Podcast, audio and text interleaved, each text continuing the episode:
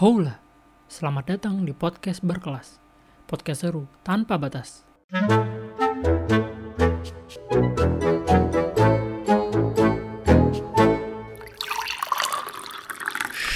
Udah, dengerin dulu aja. Terkadang, untuk menjadi sebuah role model hanya membutuhkan bakat. Bakat untuk bisa menginfluence orang lain dalam segala sesuatu ringan maupun berat. Dan mungkin akan menjadi sebuah kesalahan apabila role model menjadi sebuah tujuan. Sungguh wajar apabila ada netizen maha benar yang selalu akan menghujat. Bersama gue Alif Ansyar, kita akan coba ulas beberapa menit ke depan. Oke, kita nyinggung masalah mojang. Mojang jajaka. Yaitu ajang untuk bisa eh, pamer. Pamer menaikkan konstruksi sosial, terus menaikkan apa ya guna menaikkan banyak endorsement ya dari dari brand-brand brand-brand yang lokal Boleh ngomong kasar nggak? Nggak boleh ya? nggak boleh ya masih bulan puasa dan Oh iya bener. dan lebaran kayaknya nanti ditunda gara-gara psbb kayaknya ya oke mojang buat teman-teman yang nggak tahu mojang mungkin bisa di search yaitu Iya. seorang wanita yang eh, istilahnya ikon pariwisata salah satunya kalau nggak salah mungkin bisa dibenarkan oleh eh, Neng Ulfa ini selaku Neng teh dong. oh teh teh teh Teh Ulfa ini selaku alumni dari Mojang Jajaka 2000 berapa Neng?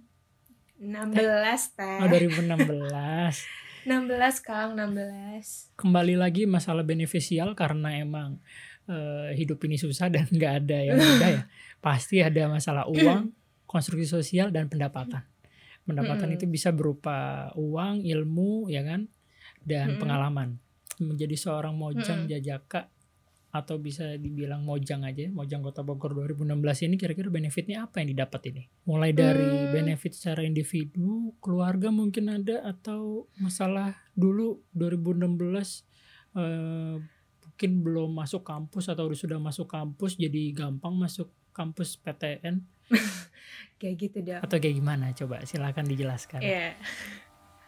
Harusnya sih ngomonginnya mojang dulu sih, soalnya karena gue kan ikutannya mojang dulu. Jadi gue Hmm, ikutan oke. mojang tuh pas SMA, yang gue bener-bener clueless tentang hidup ini, gue nggak tahu mau ngapain.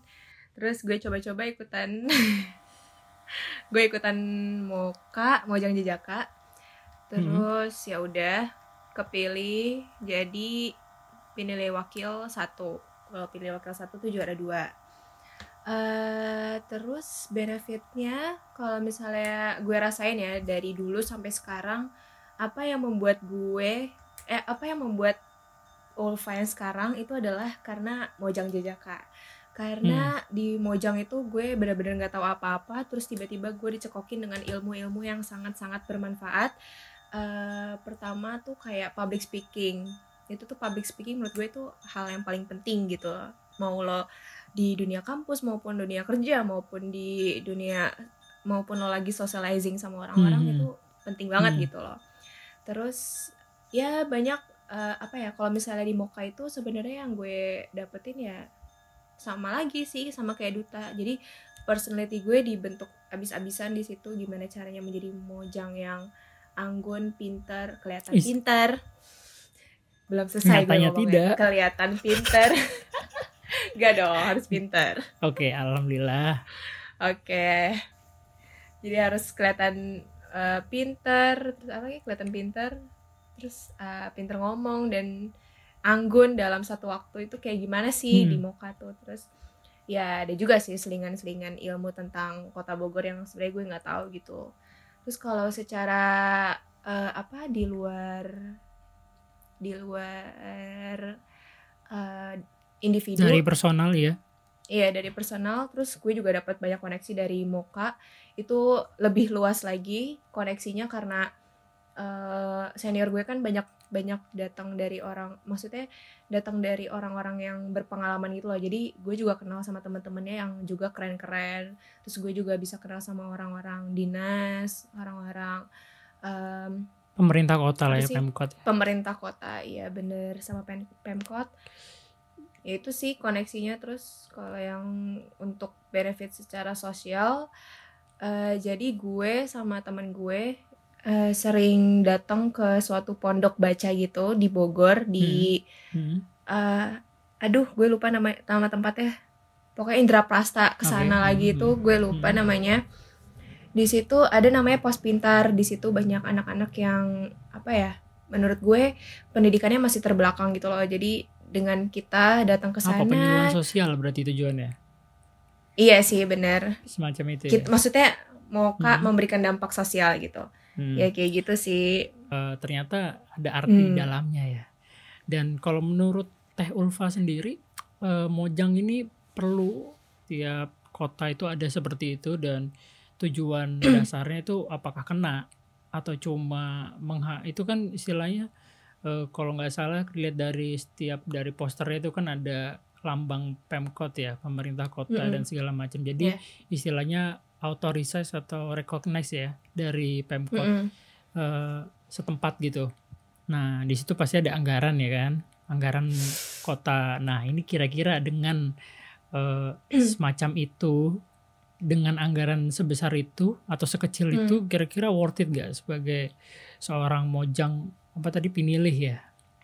Mm-mm. Dengan adanya dengan adanya mojang ini di Bogor gitu loh. Hmm. Kalau nggak ada mungkin ini podcast bisa menjadi salah satu gerakan untuk menutup mojang gitu. Nggak gitu nggak bercanda. Pak Arya Bima mohon maaf, Bima Arya mohon maaf, mohon maaf. Nggak, nggak bercanda dong Pak. oke Jangan diciduk saya. aduh Tiba-tiba ODP saya. Tiba-tiba dia bawa paksa lo nggak ngerti kenapa Iya dijemput paksa loh. Eh gimana? Eh, jadi kalau misalnya apa ya peran Moka untuk promosi Kota Bogor itu sebenarnya ada karena setelah dari Kota Bogor kita kan ada Mojang Jajaka Kota Bogor terus ada juga Mojang Jajaka Jawa Barat. Jadi Jawa Barat ya. Jawa Barat. Jadi eh, yang juara satu itu maju ke Jawa Barat ya udah dia promosi-promosi tentang oke. Kota Bogor. Cuman Sekelas kalau- oh sekelas Kota Bogor justru kalau yang maju ke Jawa Barat.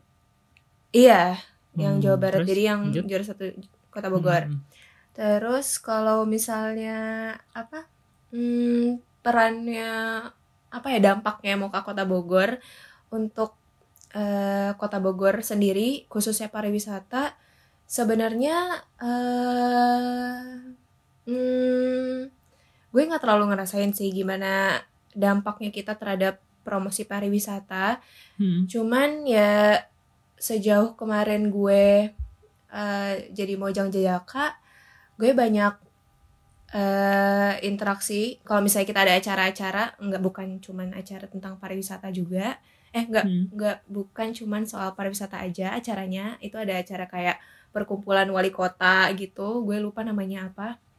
Ya di situ kita ngobrol-ngobrol sama banyak eh, orang-orang dari luar kota Bogor terus mereka nanya kalau misalnya di Bogor itu makanan yang enak apa sih terus tempat yang Hmm. harus dikunjungi itu apa sebenarnya secara nggak langsung kita mempromosikan gitu sih jadi kalau dampak besarnya itu sebenarnya belum ada kalau menurut gue tapi kalau misalnya Hmm. iya kalau misalnya dampak-dampak ya kita promosin sedikit-sedikit ya itu ada cuman kalau menurut gue mau ke kota Bogor itu lebih dapat ke dampak sosialnya sih kayak gitu Hmm, hmm.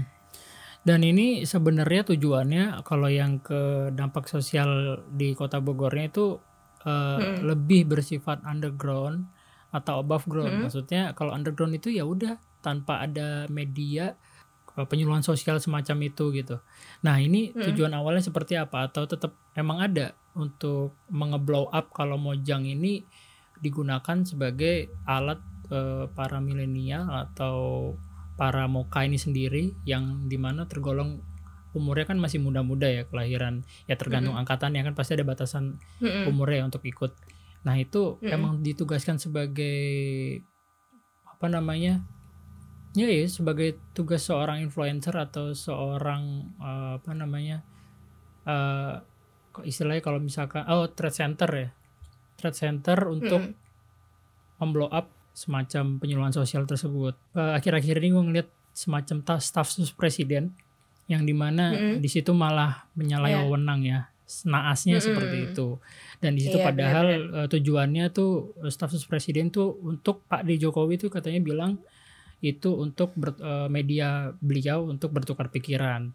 Sedangkan Mm-mm, staffnya mm-mm. sendiri uh, diberi mandat sebagai berikut dan menyalahi wewenangnya. Nah ini kira-kira Mojang ya. ini seterikat itukah terhadap pemerintah kota Bogor atau tidak? Hmm, kalau Jadi ada misalnya tanggung jawabnya dibilang nggak? Tanggung jawab moral atau tanggung jawab eh, secara apa namanya juklis ya? Juklis Mm. apa tau gak juklis itu semacam petunjuk Kayak teknis seorang gitu mojang kan. iya yang Mm. tertulis itu harus menyampaikan poin-poin tersebut dan itu menjadi tanggung Mm. jawab eh, pelaporan ke Pemkot gitu. Hmm. Kalau misalnya Moka itu sebenarnya apa ya kan kalau misalnya bisa dibilang kan kita ya sebagai duta promosi di mana kalau misalnya kita mau promosikan kita pasti harusnya ngomong yang baik-baik aja gitu lah tentang Hmm, kota betul. Bogor. Eh kalau misalnya iya benar pastinya dong kan nggak laku. Terus tadi gue lupa mau ngomong apa. Oh iya pokoknya eh selama kita jadi Mojang Jajaka, maksudnya dalam satu tahun kita masa jabatan, eh kalau misalnya mahasiswa kita nggak boleh ikutan demo, bukan nggak boleh sih, cuman kayak Hmm, secara norma- ada normatifnya, larangan-larangan kayak gitu ya. Mm-mm, secara normatifnya kita nggak boleh. Hmm, persuasif untuk tidak mengikuti eh, kegiatan yang sifatnya apa tuh bisa Hmm. dibilang kalau dari Kontra pemerintah, pemerintah, bisa jadi mm. iya kontra pemerintah entah itu Mm-mm. destruktif atau konstruktif ya. Oke, Benar. lanjut terus. Mm-mm. Kayak gitu, itu aja sih setahu gue. Terus ya kita gimana pun caranya kita harus menjaga nama baik Kota Bogor. Kita harus menjaga nama baik uh, Paguyuban Mojang Jajaka. Kayak gitu sih sejauh ini yang gue gue rasain kalau gue waktu itu jadi moka. Karena teman gue waktu itu ada ketua BEM, ketua BEM di universitas di Kota Bogor. Ya dia nggak boleh ikutan demo gitu, tapi setelah itu dia ikutan Sans. Padahal notabene-nya seorang ini ya Jajaka. promotor dari demo Hmm. kalau misalnya dari kampus-kampus tuh. Iya. Iya, oke mm-mm, oke. Kembali lagi, gue mm-mm, sebagai orang di luar dari lingkar Mojang Jajaka yang melihat mm-mm. segala aktivitas dari Mojang Jajaka terutama di Instagram lo itu bisa dilihat bisa dibilang sebagai panutan muda-mudi kota Bogor ya yang seumuran atau mungkin di Thank bawahnya kalau di atasnya mungkin enggak ya ya kalau di atasnya mungkin enggak ini apaan sih gitu kan Ya. ini buang-buang anggaran ini seharusnya ini buat kaum fakir miskin nggak harus ada gini-ginian nah kalau melihat dari kacamata muda-mudi kota Bogor yang tidak tahu Hmm. eh, kontraknya Mojang Jajaka disebutkan tadi itu gimana rasanya secara pribadi? Ya pasti kan adalah eh, Ulfa atau Mimi angkatan Mojang angkatan 2016 terus di pamfletnya be- besar tuh di Bogor tuh misalkan nah itu otomatis eh, kalau misalkan pandangan konvensional itu eh, adalah sebuah eh, role model balik lagi nih Hmm. sebagai role model yang ada di kota Bogor ya kan Hmm. karena ya itu tadi namanya terpampang membawa itu pemkot nah ini secara pribadi gimana nih? Ya. boleh di sini silahkan sombong nggak apa-apa tapi abis itu gua cut ya Enggak, Jahat banget. Eh, rasanya jadi rasanya jadi apa ya? Bukan role model sih bilangnya. Hmm. eh apa ya? Jadi penyambung pikiran kayaknya. Lebih enaknya. Gua gua nggak mau sombong anaknya gue emang nggak mau sombong gue libra Oke. soalnya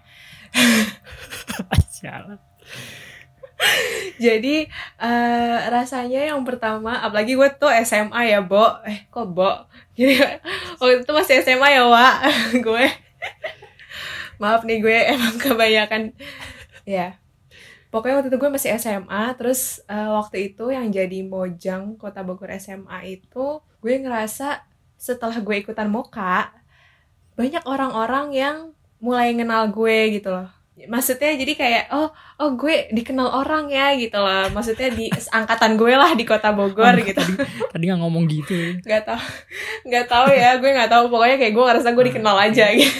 Ya iya terus eh, apa ya kepuasan kepuasan Ah, ya iya.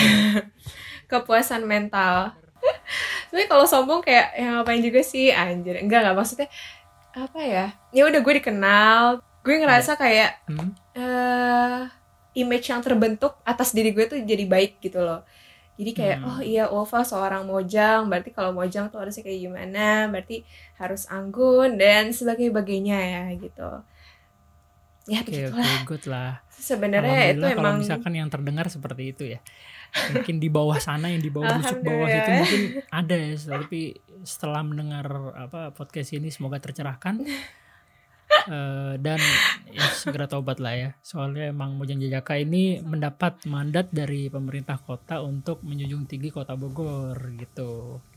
benar Khususnya di kota. Bogor ya, karena Ulfa adalah seorang Mojang kota Mm. Bogor. Ah, selanjutnya eh, eskalasi reputasi tadi yang udah semakin melonjak naik ya kan nih. Dan ini pasti eh, semakin dikenal dan semakin bisa membawakan diri karena tadi public speakingnya di push terus habis itu endurance-nya juga di push juga ya kan harus bisa ngomong depan publik nggak salah kata dan nggak banyak bebelit lah Mm, mm, mm. bebelit itu kan kalau kata orang Bogor Iya. bebelit katanya mm-mm. berlibet gitu ngomongnya. Berarti kan itu Iya. bisa sebagai peluang menjadi news anchor atau seorang reporter itu kan juga mungkin bisa terjadi. Cuman Mm-mm. mungkin di sini lebih ke basic ya menjadi seorang selebgram yang di mana oh, notabene-nya eh, kota Bogor ataupun masyarakat sosial ini pasti mempunyai Instagram dan kemudian Hmm. wah ini Ujang Kota Bogor nih wah gelis follow Hmm. ya kan gitu kan kurang lebih gitu gitu tuh. Role wah gelis follow. Wah gelis follow Hmm. kan gitu. Nah yang di mana di situ gitu pasti ya ternyata. punya audiens gitu kan. Punya audiens berupa entah itu cowok entah itu cewek. Seiring berjalannya sosial media yang semakin naik itu yang semakin ya semakin tinggi lah. Anginnya semakin kenceng kan. Duit pun menjadi concern utama. Karena bisa wah ini bisa diduitin gue pasti nih. Bisa diduitin. Gue gak akan meleset Hmm. nih kalau yang ini nih lu pasti Hmm. bisa mikir eh, wah ini bisa diduitin nih seberapa banyak Hmm. endorsan seorang mojang kota Bogor dan red cardnya gimana nih dari awal masuk nih oh yaudah bisa ini aja sekian aja gitu sampai dibikin press listnya red card istilahnya ya perjalanannya dulu gue ikutan Moka itu followers gue nggak nggak maksudnya sekarang juga nggak banyak menurut gue Eh, cuman Hmm. ya bertambah lah istilahnya eh kalau misalnya ngomongin endorsan eh gue tuh kayak nggak terlalu seneng sih. Maksudnya kalau misalnya dibilang selebgram gue tuh nggak terlalu suka dibilang selebgram. Gue tuh lebih suka dibilang jadi influencer. Karena kalau misalnya kita apa ya pengennya sih sebenarnya belum gitu. Cuma pengennya gue dibilang influencer karena ya gue bisa gue bisa memberikan influence kepada orang-orang gitu eh kalau misalnya selebgram itu ya kan cuman ya udah dia posting foto likesnya banyak dapat uang kayak gitu kan kebanyakan Hmm. eh kalau misalnya jadi yang lebih dibilang beresensi ya Mm-mm. Terus kalau misalnya ngomongin uang alias duit, gak munafik sih emang gue bisa dapet banyak uang tambahan, gue bisa nabung dari uang-uang gue. Sebenarnya kalau misalnya endorse sih gue nggak terlalu banyak terima endorse karena gue pengennya barang-barang yang gue butuhin aja kayak gitu loh. Sedangkan kalau Hmm, endorse kan kebanyakan barang-barang yang pengen dikasih aja gitu ke gue sedangkan gue harus posting kayak gitu. Oke, Eh, berarti eh, untuk endorsement mm. ini benar-benar yang beneficial di diri Mm-mm. sendiri, ya kan? ya Dan mungkin kalau gue tebak kalau misalkan nggak pengen eh, membutuhkan endorse untuk yang tidak dipakai atau dikonsumsi sendiri, pasti mm-mm. ada red cardnya. ada ada ada red cardnya pasti kalau misalnya semua orang yang ngerasa dirinya udah eh, punya value eh pasti ya bukan gue sih yang ngeset red cardnya jadi ada teman gue yang dia ngerti tentang dunia per Instagraman dan seberapa sih harusnya gue dibayar dia bikinin Hmm. red card gue dan Sebagai ya udah lah kayak ya. gitu ya bener Kayak Oke. gitu. jadi dia ngasih Jadi kalau misalkan mau endorse teman-teman bisa lah ya ke Ulfa, cuman ntar di supervisi lagi sama Ulfa ya. Itu butuh nggak? Kalau nggak butuh ya pasti kamu ditolak. Kayak peninggi badan ya nggak kalau bisa sih makanan Percuma, percuma. Tinggi badan Tuh, dong disebutin nih kalau mau makanan. Oke oke. Nah, minyak bumi ini juga boleh minyak bumi endorse dari Pertamina ya. Oke Nah, ini pertanyaan terakhir untuk masalah Mojang. Siapa sih yang nyuruh jadi Mm-mm. mojang? Keinginan sendiri, orang lain, teman, ortu. Oke, kalau jadi moka, jadi mojang dulu awalnya karena ngelihat eh, kakak kelas tuh ada yang jadi moka, jadi mojang, namanya Kak Balkis, Teh Balkis kalau misalnya di moka panggilnya. Terus Hmm. kayak eh pengen deh, pengen coba-coba. Terus gue nggak tahu tuh sebenarnya moka itu apa gitu loh. Gue nggak tahu. Ya udah gue ikutan aja lah pokoknya. Ya kemauan dari diri sendiri sih. Terus ada dukungan dari orang tua. Waktu itu gue juga masih SMA kayak eh, orang tua gue selalu memberikan gue kesempatan untuk selalu coba hal baru untuk bisa menemukan pengalaman-pengalaman baru yang sangat eh, priceless gitu gitu Nah, begitulah emang eh, sejatinya Hmm. orang tua ya, nggak akan melarang-larang anaknya. Balik lagi ke ranah duta, yang di mana Oke. ini merupakan salah satu profesi, title, gelar, title atau title pekerjaan yang bisa ditulis di LinkedIn ya biasanya ya. Karena Iya, menjadi duta kampus IPB, gitu kan. iya benar-benar Oh iya sebelumnya ini Kampus Ulfa ini adalah seorang mahasiswi IPB dari Fakultas Hmm. apa Ul? Fakultas Pertanian jurusan Agronomi dan Oke. Hortikultura Selama jadi eh, seorang duta ini kira-kira Hmm. bayaran masuknya ada nggak sih kira-kira benefit secara eh, individual maupun non individual entah itu ke inner circle atau ke outer circle tadi Hmm, kalau misalnya ngomongin benefit, pasti yang didapat yang gue rasain ya dari duta karena sebelum jadi duta itu kita harus ada pembinaan-pembinaan di mana di pembinaan itu kita diajarin banyak-banyak ilmu tentang gimana sih cara mempromosikan kampus gitu. Jadi yang pasti adalah pengalaman dan ilmu-ilmu yang berharga yang belum gue tahu sebelumnya kayak gitu. Pengalamannya ya gue bisa banyak ngomong di depan orang banyak, di depan anak-anak SMA, terus kayak bisa memberikan membodohi ya enggak memberikan enggak. insight gitu Ah. loh alhamdulillah memberikan insight tentang IPB ke anak-anak SMA gitu terus eh, benefit lainnya secara eh, personal gue kenal banyak orang ya udah koneksi-koneksi gue banyak ke teman-teman ke dekanat terus ke, ke birokrat kampus juga. lah ya intinya Iya benar-benar birokrat kampus kayak gitu terus ya kalau secara non individual alias eh maksudnya apa ya? Maksudnya kayak benefit untuk Iya, di Apa ya? luar bagi teman mana tahu habis Mm-mm. eh, dapat eh, manggung ya istilahnya manggung di depan SMA dapat duit ya kan dapat benefit Iya, iya. berupa benefit berupa tanda kutip duit itu Hmm. eh, benefit bagi teman-temannya itu bisa jadi di traktir makan ya kan traktir nonton ya kan Enggak. ya kalau sekarang ini mungkin traktir inilah eh, patungan buat Netflix nggak usah perlu patungan lah bayarin yang premium 170 ribu itu udah udah Nangis gue aja dulu bayarin ya. monggo siapa aja empat orang nih Enggak bagi empat aja tuh. ya kan ini benefit bagi mereka bagi mereka Oh tuh, iya. eh, sebuah Bener-bener. apresiasi gitu oh gue Hmm. eh, jasa gue untuk yang selalu ngocehin si Ulfa nih ternyata dibayar juga ya walaupun sebagai eh, sebagian kecil dari Hmm. eh, effort gue cuman tetap dihargai gitu sama sama Ulfa untuk ya setidaknya gue hobi nonton nih gitu kan gue dibayar Netflix itu gue merasa Nonton itu hobi Tercukupi. ya ternyata. tercukupi Oke, dia oke. gitu nah itu gimana kira-kira untuk ke teman-teman lo tuh kira-kira seperti apa setelah lo manggung gitu Kalau teman-teman biasanya sih kalau misalnya secara material tuh nggak ada. Gua nggak pernah. Maksudnya kayak ya jarang aja sih ngasih-ngasih kayak gitu. Paling cuma jajanin telur gulung kayak gitu kan lima ribu. Di bara guys, babakan emang. raya IPB. ini down to earth down to earth ini udah ini udah nempel banget ini kalau kalau apa namanya eh, kalau secara kasta sosial dia udah nempel banget ini Telur gulung tuh makanan dari surga, woi. Lo harus tahu Wis, itu. nah gini Itu telur enak gulung tahu dari mana berasal sebelumnya nih telur gulung tahu dari asal dari mana nggak Dari SD makanan gua. berasal dari mana Telur. Dari Bogor Bukan. Dari nggak tahu. Nggak tahu. Ya udah bikin aja gak sih? itu makan dari Malang serius Sumpah bohong, Eh, bohong.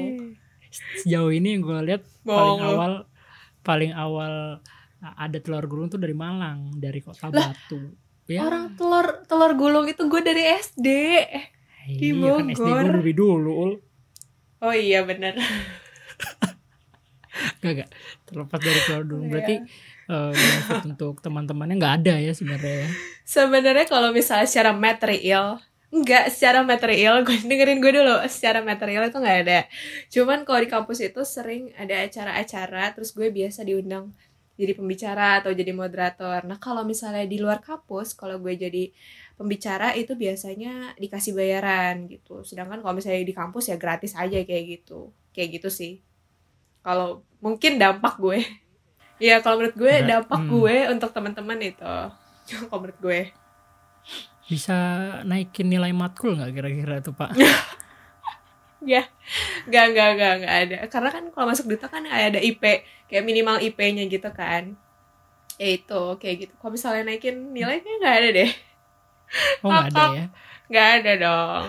Kalau gue sih, kalau gue nggak pernah. Soalnya kalau apalagi jurusan gue ya, jurusan gue itu kayak dosennya juga nggak terlalu gampang ngasih nilai gitu loh. Jadi kayak ya berhayal lah kalau misalnya lo bisa dinaikin nilainya. keren keren keren berarti benar-benar profesional ya di se- menjadi Jelas. seorang duta IPB Jelas. dan menjadi mahasiswi IPB itu sesuatu yang berbeda Eh, ada Bener. kotaknya gitu ada kamarnya masing-masing jadi nggak bisa untuk ngasih celah buat benar. Up upgrade nilai saya pak. Nggak bisa. Itu tuh teman-teman kalau misalkan ada yang masuk IPB itu ya udah. Kalau misalkan nggak mau sibuk nggak usah jadi duta IPB gitu aja. Nah ini kalau di hadapan teman-teman lo ul gimana? Hmm. misalkan kayak se satu seleksi dan ini lu berkompetisi sama temen inner circle lu nih kan menjadi seorang Hmm. duta IPB yang di mana tadi lu bilang ada proses seleksi ya dan Hmm. lu menjadi salah satu orang bibit atau yang eh, bibit atau menjadi orang terpilih menjadi seorang duta kampus nah ini Hmm. temen lu buat yang nggak keterima ini seperti apa dan untuk eh, cara lo menikap, menyikapi menjadi seorang duta IPB yang di mana itu eh, sebuah jabatan selama berapa ada ini nggak sih ada Setahun. annual ini setahun dua tahun atau sampai Setahun. lulus Enggak dong. Sebenarnya Oh, kalau seta- misalnya setahun. eh, masa jabatan ya setahun, tapi kalau misalnya title seumur hidup aja. Sedap nggak tuh gue? Iya, bisa ditulis LinkedIn itu sebenarnya Makanya. ya. nah Apa di tadi? teman-teman lo yang nggak Hmm. lulus tuh kayak gimana kira-kira Eh, lo eh, lolos nih jadi seorang duta dan teman lo Hmm. nih nggak lolos ini cara Hmm. menyikapi gimana eh, kalau menurut gue menyikapi eh, orang, sebenarnya kalau misalnya temen gue yang nggak masuk duta, dia sebenarnya fine fine aja. Mungkin yang gue lihat fine fine aja, cuman pasti dia ngerasa kayak kok dia bisa kepilih ya, padahal eh, gue lebih baik loh kayak gitu. Pasti ada ngerasa kayak gitu. Cuman dengan gue, padahal gue gue lebih sendiri, deket daripada panitianya loh gitu Bener. Jadi nggak nggak nggak. Jadi eh, cara nyikapin eh, apa ya kayak negative thinking towards gue adalah gue selalu eh apa ya berpikir kalau gue tuh pasti punya semua orang punya kelebihan dan kekurangan kekurangan masing-masing. Cuman setiap orang itu pasti punya yang namanya added value-nya sendiri gitu loh. Kayak nilai tambahnya sendiri ciri khasnya dari orang ini. Dan gak semua orang bisa nampilin ciri khasnya itu dengan baik gitu. Jadi eh, menurut gue eh ya mungkin kalau misalnya gue ada di keadaan kayak gitu pasti cara nyikapinnya yang pertama ya udah apa ya ini boleh ngomong kasar nggak? Kayak I don't give a fuck gitu loh. Kayak iya gue tidak ini gak ada sensora kok tenang aja. Eh ini pokoknya gue kayak tidak mem- apa ya apa ya sih Indonesianya I don't give a fuck tuh kayak ya udahlah bodo amat gitu loh terserah Hmm. terserah lo mau mikir apa tentang gue. Ya sekarang sekarang gue udah jadi duta sekarang uh, berarti gue bisa merecognize kelebihan dari diri gue dan bisa gue tampilkan dengan baik istilahnya kayak gitu gitu loh. Jadi dan gak semua orang punya potensi di bidang yang sama gitu loh dengan waktu yang bersamaan gitu. Jadi kalau misalnya lo gagal di duta mungkin harusnya lo coba yang lain gitu atau atau enggak mungkin hmm, lo bisa hmm, coba okay, tahun bener, depan bener. kayak gitu. Jadi uh, sarannya untuk yang gagal-gagal seleksi entah itu seleksi hmm. apa pun itu harus sportif ya. Pasti ada satu yeah. seleksi yang bakal lulus nanti ke depannya kan? Kurang bener, lebih bijak bener. seperti itu. Kalau hmm, enggak harus belajar dari ya. kesalahan lo sial gitu. Emang lo nggak bisa aja gitu loh. Oke oke oke. Untuk menjadi duta itu tadi selain syarat dan apa namanya bakat dan potensi soft skill ya biasanya tuh wah kalau hmm. di kampus tuh isinya soft skill soft skill bisa hmm. uh, memperkenalkan diri dengan membawa diri dengan apik dan membawa materi dengan apik itu pasti jadi nilai plus hmm. dan semua itu berangkat dari keinginan. Nah, ini hmm. kira-kira keinginannya gimana nih? Keinginan lo dulu tuh seperti apa menjadi duta? Apakah disuruh ortu, temen geng, atau bahkan dosen? Jadi dulu uh, ikutan duta, gue tuh punya teman uh, yang juga dulunya duta IPB gitu. Jadi gue ngeliat kayak oh ini ya aktivitasnya duta IPB dan kebetulan gue juga orang eh orang saya gue anak IPB gitu. Jadi pasti pengen jadi duta IPB dari diri gue sendiri. Terus uh, waktu itu juga uh, dari kakak-kakak cutting gitu. Ya udah Ulfa ikutan duta. Terus juga ada uh, beberapa dosen nyuruh gue untuk ikutan duta juga gitu untuk mewakilin fakultas pertanian kayak gitu. Ya pokoknya itu. Dari Jadi, ya berangkat dari pasti dari diri dulu, sendiri. ya kan? Mm -mm. dari diri sendiri abis Terus, itu uh, supportingnya tuh dari orang lain.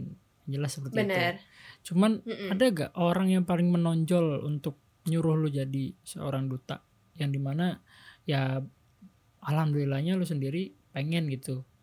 Kalau misalkan keadaannya sebaliknya yang di mana lo nggak begitu pengen uh, apa sih kupu-kupu ya kuliah pulang kuliah pulang mm -hmm. terus tiba-tiba disuruh jadi duta tuh ya orang yang paling menonjol untuk lo jadi duta tuh siapa? Orang yang paling pacar? menonjol. orang tua? Mantan? Dosen? Nah ini kayak yang paling berat nih dosen gitu tadi nih uh, kalau yang paling menonjol nyuruh jadi duta sebenarnya nggak ada. Karena ya semuanya hanya ngajak aja. Nggak kayak kamu harus jadi duta gitu. Enggak nggak ada gitu. Nggak ada sih menurut gue kayak orang yang paling menonjol. Cuman orang yang paling menginspirasi gue untuk bisa menjadi duta adalah ada namanya cutting gue di duta. Uh, namanya Kajale itu dia keren banget sih. Itu panutan gue untuk jadi duta kayak gitu Alhamdulillah ya udah punya kemauan sendiri dan punya role model ya di mm -mm. duta IPB sendiri. Berarti kan uh, istilahnya jalan tuh ibarat gelap itu bisa disenterin gitu. Udah tersenter ben, sendiri oh gitu. Nah, terima kasih atas kehadirannya Teh Ulfa Neng Ulfa. Semoga kuliahnya lancar. Amin amin. Oke gitu aja. Gue Alif. Gue Ulfa terima kasih sudah mendengar dan sampai jumpa di episode selanjutnya. Bye bye udah dengerin dulu aja